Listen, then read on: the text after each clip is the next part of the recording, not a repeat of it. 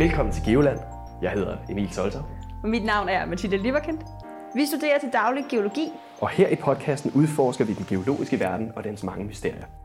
Podcasten Geoland udgives af magasinet Geoviden, som formidler geovidenskab til unge og andre interesserede.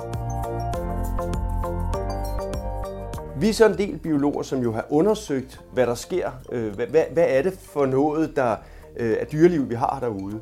Og der er jo en kæmpe biodiversitet. Der er masser af fisk derude, masser af ting, der gror på, på de her installationer, og masser af gemmesteder for, for dyrene. Og det findes der jo ikke andre steder af ude i Nordsøen. Nordsøen er simpelthen bare flad som en pandekage. Danmark skal gøres uafhængig af olie og gas. Og alt den olie og gas, man før i tiden har udvundet, er primært kommet fra felter i Nordsøen. Man har aftalt, at i 2050 så skal alt være væk, inklusive olieboreplatformene selv. Men der har faktisk også været lidt snak om det her, de her olieboreplatforme, og hvad de måden kan bruges til. For eksempel øh, har man snakket om, at man kan bruge de her felter til at begrave CO2 i, og det er jo en fed ting. At det vil være en god ting. Og der er jo også tale om, at man kan bruge de her gamle olieboreplatforme øh, på en, en ny og spændende måde, som også har en positiv indvirkning på den lokale økologiområde. Og der er faktisk flere biologer, der taler for at lade dem stå, øh, fordi de netop tjener et, et godt formål for områdets dyreliv, især for øh, marsvin og sæler. Og det er det, der bliver omdrejningspunktet for dagens episode. Tak fordi vi måtte komme og besøge dig, Jonas Teilmann. Jamen, det er hyggeligt, at I kommer. Vi tænkte, om, om du ikke har lyst til at præsentere dig selv, Jonas? Jo, jeg hedder Jonas Thalmann. Jeg er ansat som professor ved Aarhus Universitet her i Roskilde i det, der hedder Institut for Ecoscience. Og øh, jeg arbejder med marsvin og med sæler, primært i det danske farvand, men også øh, rundt omkring i andre steder i verden. Vi kan starte med kontekst i hvert fald, fordi øh, i Nordsøen har der været fest. Oliefest. Og det er ved at være tid til så småt at pakke sammen, nemlig. Det er jo sådan, til de her fester, så har man jo oprettet nogle boreplatforme. Præcis. Nogle olieboreplatforme. Lige præcis. Og dem skal der ryddes op efter nu. Og her har vi så i den anledning en ekspert, som har undersøgt økologien omkring boreplatforme. Og ja, måske kan du forklare øh, bedre end jeg kan. Ja, altså, øh, først er det lige på rettelser, fordi Ja, øh, boreplatformen, det er jo dem, man sætter ud først, og så borer man et hul, og så bagefter etablerer man en platform, der kan trække olien og gassen op, og så producerer man det der, og så med, med rørledninger ind til land. Så, så det vi, normalt er der jo ikke nogen boreplatforme derude, fordi de huller er jo lavet for lang tid siden. Men øh, der er mange platforme derude og af forskellige typer. Nogle meget små, uden folk på, og nogle store, hvor der måske bor 150 mennesker døgnet rundt og laver den her produktion. Og så er det jo i høj grad også gas. Øh, så det er olie og gas. Nogle platforme er kun gas, og nogle er kun olie, og nogle er begge dele. Men øh, vi har jo et, et ret stort øh, felt derude i Danmark. Øh, måske ikke sådan en stor udstrækning. Det er måske Ah, det er vel øh, fra de yderste er det måske lige under 100 km. Øh, men det er sådan et ret smalt bælte, som ligger lige mellem grænserne mellem de forskellige lande. Det er alt sammen ude i Nordsøen, de her Alt sammen ude i Nordsøen, og, øh, og, og Norge var jo så ekstremt heldig, at de fik det bedste felt, så det er jo det, er de jo blevet rige på. Men det hele ligger altså lige midt ude i Nordsøen, cirka øh, 200 km fra den danske kyst, så, så vi ser ikke noget til det rigtigt på land, men det ligger altså derude. Når man så kommer sejlende, og det tager jo så en 12 timer med en stor øh, båd, så sejler vi derud, og pludselig så er der det her lyshav, hvis det er om natten, hvor det hele bare lyser op, og man tænker, okay, nu sejler vi ind i en by eller et eller andet. Så det er jo, det er jo sådan lidt Venedig-agtigt, ikke? De står jo på de her pæle, og så ligger vi rundt mellem der. Og det føles sådan lidt trygt, ikke? Selvom det er midt ude i ingenting. Det er simpelthen Nordsøens Venedig. Ja. Ej, det, lyder, det lyder næsten helt romantisk. Ja, men sådan kan det næsten føles, når man ligger om natten, ikke? For om dagen kan man jo godt se, det er en eller anden grim industriinstallation.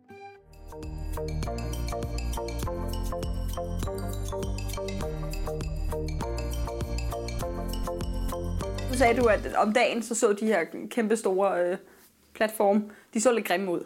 Er de bare lavet af beton alle sammen, og hvordan ser de ud? Nej, altså i, øh, i det danske område, der er ikke så dybt. Der er omkring en øh, 40-50 meter på øh, dybde på, øh, på det meste af feltet. Der ligger nogle længere nordpå, der ligger lidt dybere, men de er alle sammen lavet øhm, øh, på stålfundamenter. Øh, når du går ud på noget rigtig dybt, så begynder der at være beton, øh, men, men oppe, i, oppe i Norge, hvor de ligger på meget dybt vand. Men i Danmark er det, er det stål. Det vil sige, det er øh, et, et stort fundament, som først er lagt ned, og bagefter er der sat nogle kan man sige, enormt lange søm på hver af de her ben, øh, 70 meter ned i undergrunden, sådan så at de bliver stående. Fordi der er jo en enorm påvirkning fra bølger, som gør, at, øh, at de må bare ikke rykke sig. Og du har også det her rør, der stikker ned og suger olien. Og hvis det rykker sig og pludselig ligger og sådan noget, så har vi en kæmpe katastrofe.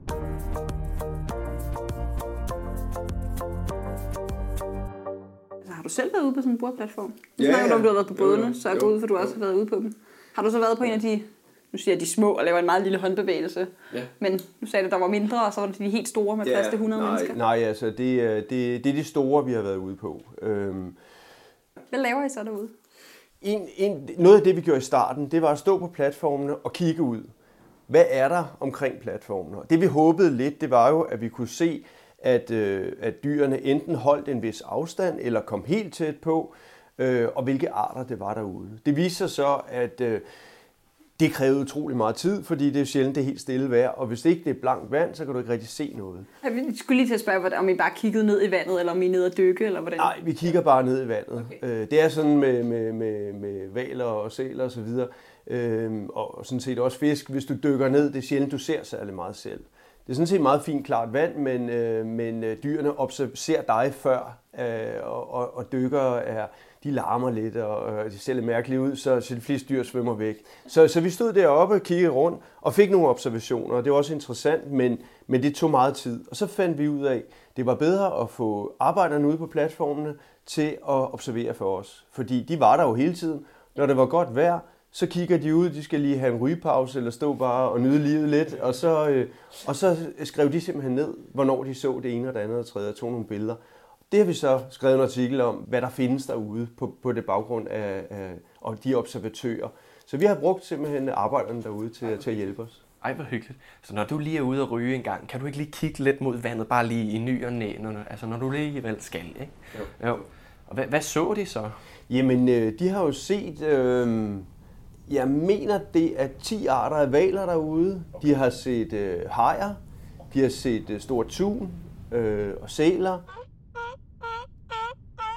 Sælerne lægger sig jo op på platformene, når de skal hvile sig. Øh, der, der er sådan nogle, øh, nede på benene, der er sådan nogle små øh, hvad kan man sige, stykker jern, der stikker ud. Det er ikke sådan nogle terrasser, det er bare sådan stykker af jern? Ja, men det, det kan man godt kalde en terrasse, men det er jo, det er jo øh, ja, sådan nogle flancher, de har brugt til at stå på, når de svejsede benene sammen og så videre. Det er jo ikke noget, de bruger til noget ellers, men, men sælerne ser lige, whoops, der er der lige en, en, en platform, jeg lige kan ligge og hvile mig lidt på. Ikke? Så det har tit været billeder af, af sæler, der ligger sådan lige nede under øh, nede ved vandkanten. Ikke? Så man er sæler derude, tænker man, skal jeg svømme 200 km til land og lige tage en hviler, eller skal jeg blive herude, hvor der er masser af gode fisk? Det er da også meget hyggeligt. Den tænker, at det her det er en resteplads lavet til mig. Så det, det er meget fint.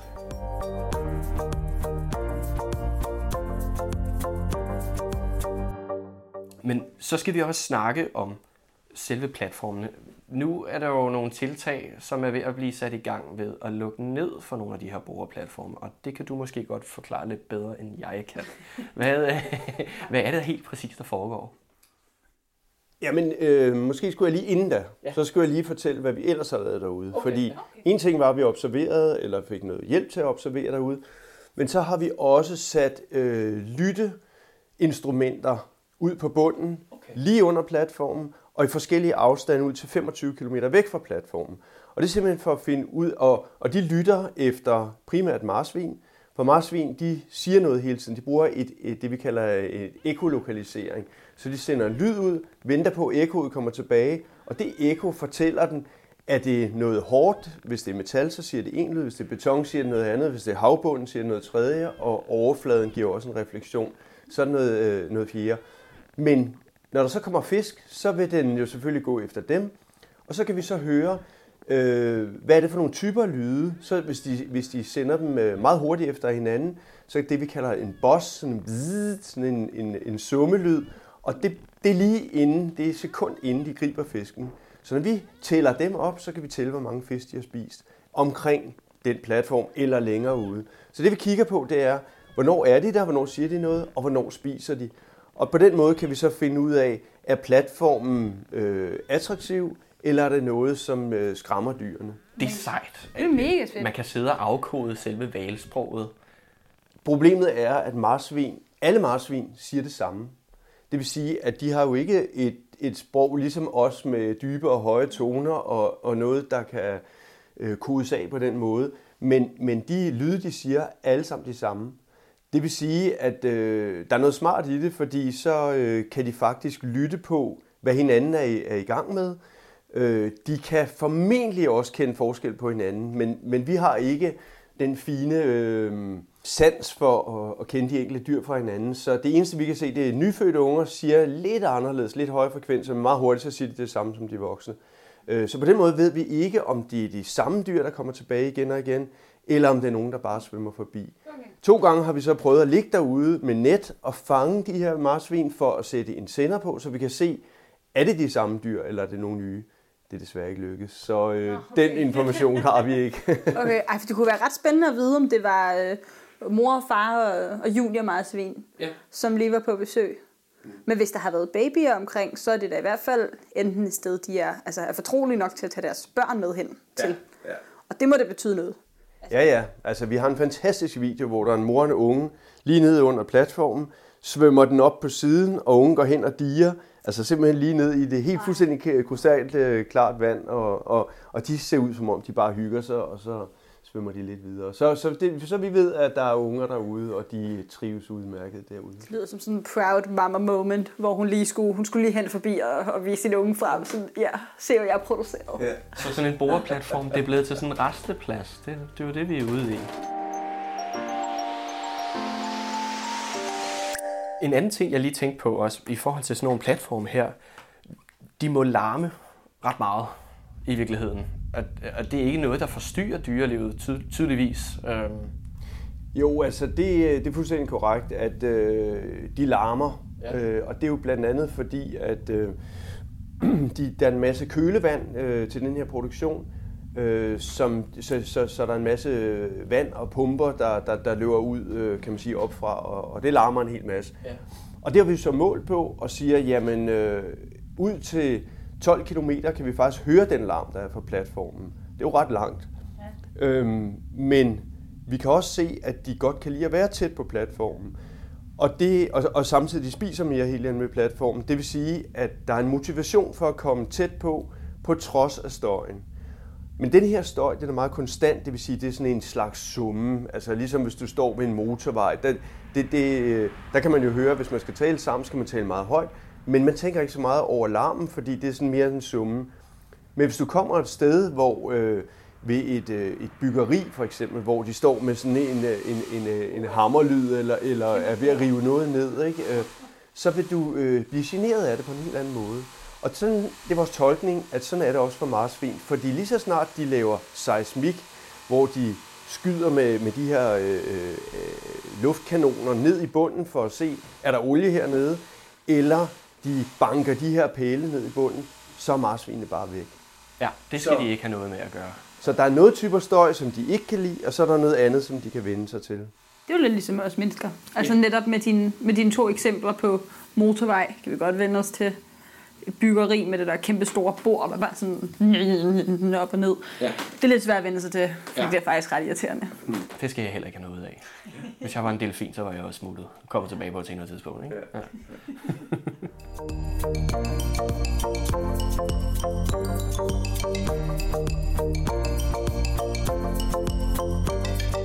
vi så snakke om, om, om det her med bordplatformene, hvad der skal ske med dem? Øh, og, og, ja. Som vi har forstået det, alle dem, der ligesom har, har lavet bordplatformen, skal selv stå for at rydde op efter sig selv. Men så er der nogen, der har argumenteret for, at det faktisk er meget godt at lade de her bordplatforme være. Fordi det har hvad hedder det, bidraget til noget dyreliv. Ja, vi er så en del biologer, som jo har undersøgt, øh, hvad der sker. Øh, hvad, hvad, hvad er det for noget, der øh, er dyreliv, vi har derude? Og der er jo en kæmpe biodiversitet. Der er masser af fisk derude, masser af ting, der gror på, på de her installationer, og masser af gemmesteder for, for dyrene. Og det findes der jo ikke andre steder af ude i Nordsøen. Nordsøen er simpelthen bare flad som en pandekage. Øh, det er sejt. så, så livet er simpelthen vokset op omkring de her øh, ben, der er blevet sat ned. Ja, fordi nu har du jo så puttet noget ind, Der er jo ikke noget, der har, nogen, der har rørt ved det i 40 år. De har jo stået dernede ja. i 40 år, mange af dem. Ikke? Noget andet er, at øh, lige så snart du har en hård struktur, altså et stykke stål, øh, så øh, som ikke flytter sig, så er der alle mulige ting, der kan gro fast på det. For eksempel øh, kender I jo øh, muslinger. De skal ligesom have noget at sidde fast på. De kan ikke bare ligge og rulle rundt på bunden. Øh, det, det, de, skal, de skal sætte sig rigtigt og filtrere på den rigtige måde. Så er det også sådan så, at det alger, som der bliver ført via strømmene i, igennem havet, typisk er i det højere lag. Det vil sige, når du har noget, der stikker op i den fotiske zone, som vi kalder der, hvor lyset trænger ned, ja. så vil det være der, der er mest produktion, mest alger. Så det er deroppe, dyrene gerne vil være, dem der filtrerer. Så du har på den her pæl på 40 meter, har du simpelthen nogle zoner, alle mulige forskellige dyr og planter. Og planter skal jo have lys, så de kommer op for oven. Øhm, og muslingerne også deroppe, og så har du forskellige svampe og alle mulige super spændende dyr øh, længere nede. Rundt om den her øh, struktur, der vil så være øh, fyldt med fiske. Jeg selv stod derude med en fiskestang med fem kroge på, og jeg kunne umuligt få denne her ned til bunden, uden der var bid på alle fem kroge, inden den ramte bunden. Og det går jo alligevel ret stærkt, ikke? Så, så, så der er, det vælter med fisk derude. Ikke? Det er store torsk på, på et kilo og, og op efter. Ikke? Da du sagde store torsk, der lavede du i hvert fald en meter med dine hænder. Ja, men øh, det var de største så. Men øh, okay. øh, der, var også, der var også mindre. ja, så, så, så, så det, det, det fortæller lidt om, at der, der sker noget interessant biologisk omkring det her. På den anden side, kan man sige, så har vi forureningen. Der har været en masse udslip øh, af, kemikalier for at rense olien og rense de her rør osv. Så, videre. så der er jo så nogen, der mener, at vi har, vi har et, et giftlag i bunden, som vi ikke skal øh, røre ved, og som øh, vi skal øh, enten lade være fuldstændig eller fjerne. Og hvordan fjerner man øh, noget havbund med noget gift i? Det er jo sindssygt svært. Så, så vores argument er, jamen måske skulle vi bare lade noget af det her stå. Vi skærer toppen af, så der ikke er noget, vi kan ikke se noget på overfladen. Der skal også kunne sejle skibe henover, så vi cutter de øverste 10 eller 20 meter af. Men så har vi den her struktur stående længere nede. Og den er som et slags kunstigt rev. Øhm, så har vi sat sådan en, en øh, struktur her i 40 år. Jamen, den er måske så natur nu. Øhm, så det er jo det her med begrebet om, hvad er rigtig natur? Hvad vil vi tilbage til? Eller vil vi til overhovedet tilbage? Eller vil vi bare bevare det, vi har? Det, der virker, som vi kan se, der virker nu her. Ej, det er faktisk en ret fed debat om unaturlig natur. Altså, vi har skabt. Ja, hvad kan man så sige? Ja, det er jo meget sjovt, sådan lidt øh, metaforisk, det her med, at naturen begynder at tage noget tilbage igen. Ikke? Øhm, altså, så er det unaturligt, eller er det naturligt? Det, det, det, kan, det er jo en sjov debat i virkeligheden. Ja. Også det, du sagde med, at altså, liv, liv finder altid vej.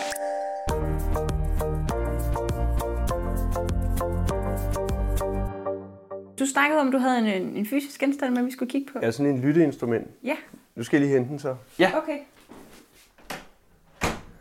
Nu er jeg meget nysgerrig, for den er jo meget stor, den du har taget med ja. hjem, det her lytteinstrument. Ja, det her, det er jo, øh, hvad kan man sige, vores øh, kerneinstrument i det, vi så laver derude. Fordi den lytter på alt, hvad der foregår derude. Og den lytter på alle frekvenser, øh, helt op til, øh, til 200 kHz. Og mennesker kan jo maksimalt høre til 20 kHz. Marsvinene kan høre op til 150 kHz. Det vil sige, langt, langt, langt det meste af, hvad de hører, det kan vi ikke høre. Men det her instrument, det kan høre alt, hvad vi kan høre, alt, hvad marsvinet kan høre, og så lidt ekstra. Så denne her, det er simpelthen øh, et, et instrument, som fortæller os alt, hvad der foregår derude i forhold til støj og relateres til, til, til dyrene. Vi kan i virkeligheden også høre fisk, der, der øh, nogle gange siger lyde, når de specielt i paringstiden. Vi kan høre muslinger, som, øh, som, som kan sige, ja, sådan nogle kammuslinger, de kan sige sådan nogle lyde, når de svømmer afsted. Vi kan høre det, der hedder snapping shrimp, eller, eller sådan nogle øh, øh hvad hedder det, rejer, som ligger med deres små klør og, og, og klapper sammen. Så vi kan simpelthen lytte til øh, det, vi kalder et soundscape. Øh, I stedet for et landscape, så er det et soundscape. Så vi, så vi har alt det, der foregår øh, af lyde i vandet, det, det kan den her optage. Og lyde er jo det primære øh, kommunikationsmiddel mellem dyr under vand. Fordi de kan jo, de, deres øjne kan godt være de lidt bedre end vores, men ikke særlig meget bedre. Det vil sige, når vi er under vandet og dykker, kan se 5 meter, så ser de også cirka 5 meter. Ikke? Og det kan du ikke bruge til noget, fordi alting er jo længere væk. Ikke? Så, øh, så, så de er nødt til at bruge lyde. Så lyde er bare super interessant for alle dyr. I modsætning til i luft, hvor det mest er fuglene, der bruger lyde, men øh, vi gør det selvfølgelig også, når vi snakker, men, men, men i, i det, vores primære sans, det er jo øjnene. Det er jo sådan, vi orienterer os, og sådan, vi ser hinanden og så videre. Men øh, under vand, der er det altså lydende. Så, Ja, det er vildt, at de bruger så meget en anden sans, som vi selvfølgelig også har, men slet ikke har udviklet lige så meget. På samme måde. Nej.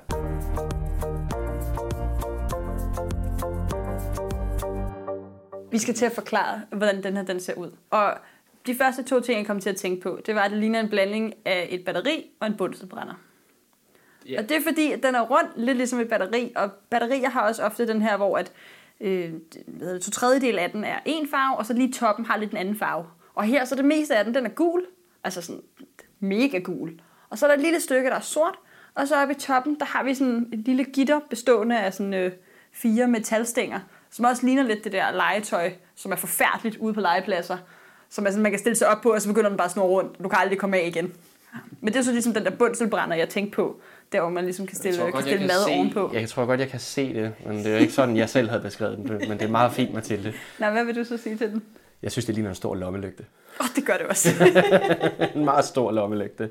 Uden pære. Men, øh, man kan jo sige, at vi bruger den også som en slags akustisk lommelygte, fordi det her op, det er, er jo sådan en 10 cm lang sort gummiting, og den, inde i den sidder hydrofonen, det kalder vi det under vand, en mikrofon på land, men en hydrofon under vand.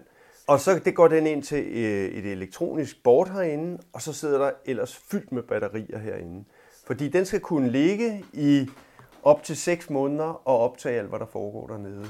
Og det er klart, det kræver en masse strøm, og øh, vi kunne godt have en ledning op til overfladen, en bøje med solceller, eller stort batteri osv., men det gør bare tingene ekstremt vanskelige og besværlige.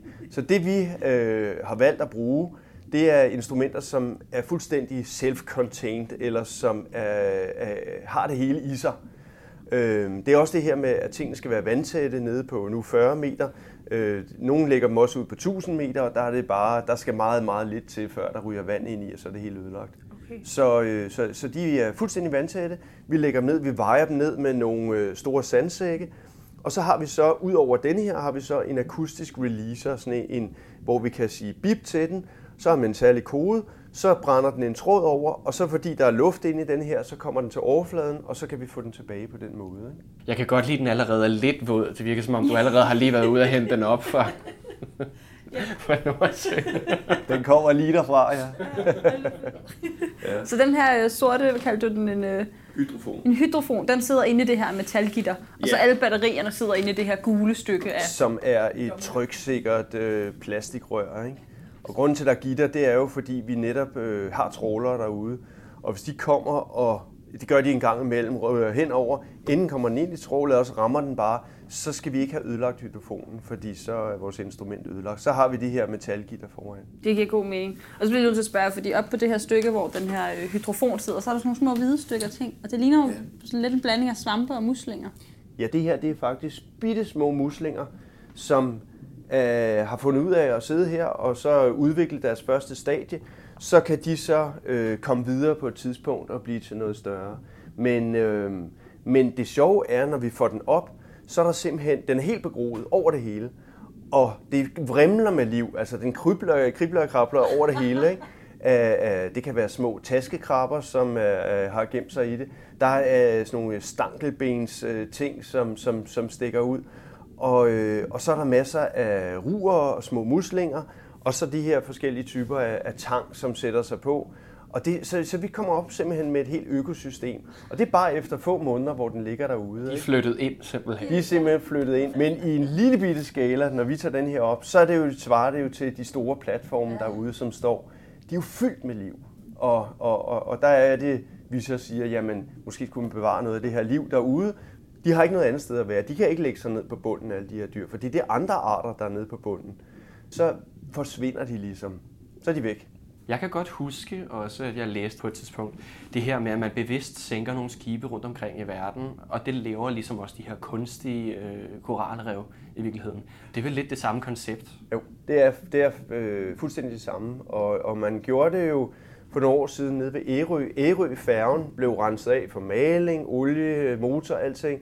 Så blev den sænket ned, fordi dykkerne var enige om, at vi skulle have et godt sted. Det er jo både sjovt at dykke ind i en båd, ja, ja. men det er også et gemmested for fiskene og for alt muligt andet liv. Ikke? Og de satte et kamera ned, og så kunne man ligesom se, hvordan det udviklede sig. Øh, så det er simpelthen, øh, du kan også lægge en masse sten derned, naturlige sten, øh, og så vil du få det samme liv omkring det. Men nu har vi bare de her platforme derude. Hvorfor egentlig så fjerne dem? Og så, øh, hvis vi skulle genoprette et eller andet deroppe, så, så skulle vi så lægge noget nyt derud. Men det er der måske ikke så meget idé i. Så, øh, så, så man kan lige så godt bruge det, man har. Tilsvarende kunne man forestille sig ud i fremtiden, så har vi vindmølle, øh, øh, tårnet og fundamenterne. Måske kunne man også lade dem stå, eller skære dem af. Det er lidt ligesom et træ, så lader man det, så lader man det vælte, og så ligger det så i skovbunden, og så er der alle mulige dyr og, og, og planter, som gror op omkring svampe og så videre. Ikke? Så bliver det til dødt ved.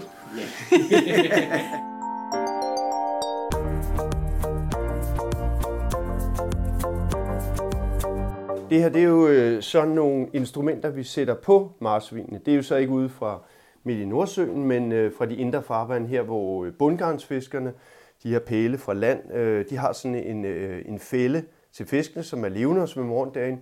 Marsvinene kommer også ind i en gang med at svømme rundt, og så ringer fiskerne til os. Så tager vi ud, bærer den ud af, af nettet, sætter et instrument på dem, og så slipper vi dem ud igen. Så der har vi lavet en mikroversion af den store lokker, som så kan sidde på dyrene. Den kan så optage alt, hvad der foregår, men kun i to dage, fordi at den er så lille, så batteri og hukommelse er for småt, i modsætning til den store, som den kan i 6 måneder. Men den kan vi jo ikke sætte på dyret, så synker det. Men får I, så, altså får I øhm, optagelserne tilbage, eller skal I indfange marsvinene igen? Så falder den, den her sidder på med sugekopper, så falder den af, og så øh, ligger den og biber op til en satellit, og så ved vi, hvor den er, og så... Øh, øh, Øh, jeg kan lige vise jer, øh, fordi vi er faktisk øh, her på fredag, skal vi ud og finde en, som, som er faldet af. Vi var også ude i, i mandags oppe ved, og ved Sverige, et godt stykke op, hvor vi har sendt på ved Skagen, og så driver den så over til Sverige. Så finder vi den her tilbage, og lige nu sidder de over i Aarhus og er ved at kigge på de data, vi fik tilbage. Den næste her, den er lidt længere sydpå, nede ved Varberg, og den skal vi så have ind og finde øh, øh, formentlig fredag, hvor vejret bliver stille igen. Ikke? Det var spændende. Men jeg kan lige øh, spille en, en lydfil her. Det her, det er et 3D-track af et marsvinedyk. Så marsvinet er ved overfladen her, dykker ned. Her kan I se dybden, så den er øh, maksimalt nede ved en 14-15 meter. Mm. Øhm, den svømmer ned, svømmer lidt rundt om sig selv og kommer op til overfladen igen herover. Her kan man se øh, vestlig og nordlig retning, så der er også kompas i. Så det er sådan 3D-plot. På hver af de små indikatorer, de små pile, der stikker her, øh, man kan se på tracket, der spiser marsvinet en fisk. Så det er det boss, vi vil kunne høre nu her. Så når jeg spiller nu her, så først så kommer marsvinet op ved overfladen. Man kan lige høre den øh, bryde overfladen, og så dykker den ned. Og så hører man så de her ekolokaliseringslyde. De er jo normalt på 130 kHz, det kan vi ikke høre. Så vi har lavet det om, så det er hørbart for mennesker. Tak. Så det er ikke den helt ægte lyd, men, men, men tæt på.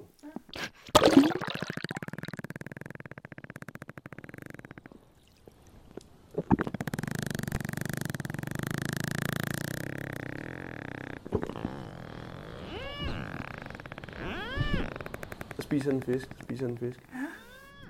Er det den lyd, vi kan høre der? Det er en, et marsvin, der hapser en fisk. Det betyder haps på øh, Mars. Så får man en fisk hver gang den hapser. Ja. Damen er hurtig til at spise. Den er røget direkte ned i en øh, stime med bittesmå fisk. Okay. Og den spiser cirka 20 fisk på det her dyk, og det er klart, det kan et marsvin jo... Øh, det kan jo ikke rumme så meget, så det, det er små fisk. Det giver så meget bedre mening. Det giver mening. Det er klart, hvis den gik ned og, og svømmede rundt og kun fangede én fisk, så ville det jo være noget andet. Men det giver en meget godt billede af, hvordan det lyder. Øh, og så kan I høre ind mellem de der øh, små pivelyde, så er der nogle lidt, lidt langsommere ekolokaliseringslyde. Ikke? Nu går den mod overfladen. Bryder den overfladen og trækker lige vejret, og så videre til det næste. Ej, hvor er det magisk at så. sådan midt. Nu er den midt for et lille stykke tid. Hvor lang tid har det her varet? Det samme tid, som vi har hørt på det? Eller? Ja. Så det er den sådan cirka halvandet minut eller sådan noget. Ikke? Ej, hvor er det vildt. Hvor er det sindssygt. Og hvis man forestiller sig, at vi selv skulle dykke ned med vores dykkerudstyr, øh, drøne rundt ned ved, ved, ved bunden og komme op igen på så kort tid, det havde vi jo ikke en chance for. Nej, nej, kan slet ikke følge med. Så det havde været et dyk, der svarer nærmest til en, en helt, øh, helt flaske af det, vi, når vi dykker ned øh, for sjov. Ikke? Men, øh, men marsvin er jo effektive, og, og, og det er alle valer og sæler jo, så, så, så, så det er sådan et indblik, hvor vi kan få i, hvad, hvad laver de faktisk, når de er, er nede under vandet. Jeg kunne også godt tænke mig at spørge dig, hvad er din vej ind i, i marsvin og sælforskning? Hvordan er du øh, kommet dertil? Jamen, øh, jeg har jo arbejdet med, med marsvin og sæler i 33 år. Så øh, jeg har været her i business siden jeg var ung studerende. Og øh, grunden til, at jeg kom ind i det, kan man sige, det var jo sådan lidt tilfældigt. Jeg gik på RUK, vi lavede et projekt om sæler. Vi skulle finde noget litteratur. Det var før, at man sådan lige kunne finde så meget på internettet. Så vi ringer op, spørger en sælforsker, kan jeg komme forbi og hente noget af det, du har skrevet? Det kan vi godt, så kommer vi, øh, eller jeg kommer hen. Han åbner lige døren på klem og stikker de rapporter ud. Og jeg kan se, jeg kommer ikke til at snakke med ham særlig længe. Men jeg havde en seddel med mit telefonnummer, som jeg stak den anden vej og sagde, hvis du nogensinde har brug for nogen, så ringer du bare, ikke? Så gik der et halvt år, jeg glemte alt om det, kan man sige. Øh, Så havde han givet en seddel videre til en anden, som så ringer, vil du starte i morgen? Og det sagde jeg bare ja til. Og dem arbejder jeg stadig. De to er, er dem, jeg, den ene sidder nede ad gangen her, og den anden øh, arbejder jeg stadig sammen med. Så øh, det, kan man sige, det var jo sådan øh, en vild historie, og et sekund, hvor det hele pludselig faldt i hak. Og så øh, kom jeg bare ind i det. Ikke? Det er vildt, hvordan sådan en enkelt telefonopkald bare kan, kan ændre hele, øh, i hele ens verden. Det blev min skæbne. Ja. Ej, Så det fedt. startede med sæler, og så senere hen udviklede sig til marsvin også. Ja, og så har jeg jo øh, øh, været over hele verden, kan man sige, og arbejdet med, med, med sæler i Grønland og på Antarktis, og store valer i Grønland og i Mexico og i, i Norge. Og, altså, så, så det er jo, øh, hvad kan man sige, det er, jo, det er jo meget internationalt, fordi de her valer og sæler, de bryder jo grænser og svømmer rundt. Så vi kender jo alle forskerne, der er øh, rundt omkring i verden på det her felt. Så der er også meget øh, rejseaktivitet og mange øh, projekter på tværs. Så på den måde er det jo en fantastisk verden at være med i. Jeg tror også, at vi er ved at runde af for dagens episode, ja. i hvert fald. Og vi stop, stoppede også på to højdepunkter. Vi har både hørt varsvin lyde, og så har vi lige hørt den her fantastiske historie om, hvordan det var lige et opkald, lige, lige vendte det hele jeg, altså, jeg synes, det er helt, jeg synes, det er et helt vildt fantastisk fænomen, det her med, at, at vi som mennesker kan lave noget, et, kan man kalde det kunstig geologi, øh, som vi kan efterlade, som egentlig kan gøre noget, noget godt for naturen, øh, når det er, vi giver slip på, på øh, de her boreplatforme. Og det synes jeg er super, super spændende, også hvor hurtigt det egentlig når at justere sig, øh, naturen når at justere sig til de her platforme, øh, når, når mennesker øh, ligesom flytter fra, fra de her platforme. Hvad synes du er spændende? Jamen, jeg synes, jeg synes, det har været ret magisk at høre de her lyde. Ja, og netop ja. det, hvordan naturen det finder vej. Det skal nok overleve. Men det er fedt, at, øh, at noget, som måske vi faktisk startede med at tro kunne skade det, faktisk har, altså, har lavet puslepladser for familier og dyr og mega mange forskellige dyr. Det synes jeg er vildt sejt. Mm. Tusind tak, fordi vi måtte komme og besøge dig her i dag. Det var en fornøjelse. Vil du gerne dykke ned i processen omkring oprydning i Nordsøen, så kan du gå ind og se mere på vores hjemmeside, geoviden.dk. Og hvis du klikker videre ind på Geoland, så kan du se udstyret, som vi snakker om i episoden, samt høre marsvinlydene, som Jonas har givet til os. Podcasten Geoland udgives af magasinet Geoviden, som formidler geovidenskab til unge og andre geointeresserede. Geoviden udkommer tre gange årligt, er helt gratis, og alle blade kan du finde på geoviden.dk, sammen med videoer, quizzer, grafikker og meget mere. Hvert blad har desuden et tema, som vi også kigger nærmere på her på Geoland. Tak fordi du lyttede med, og på genhør.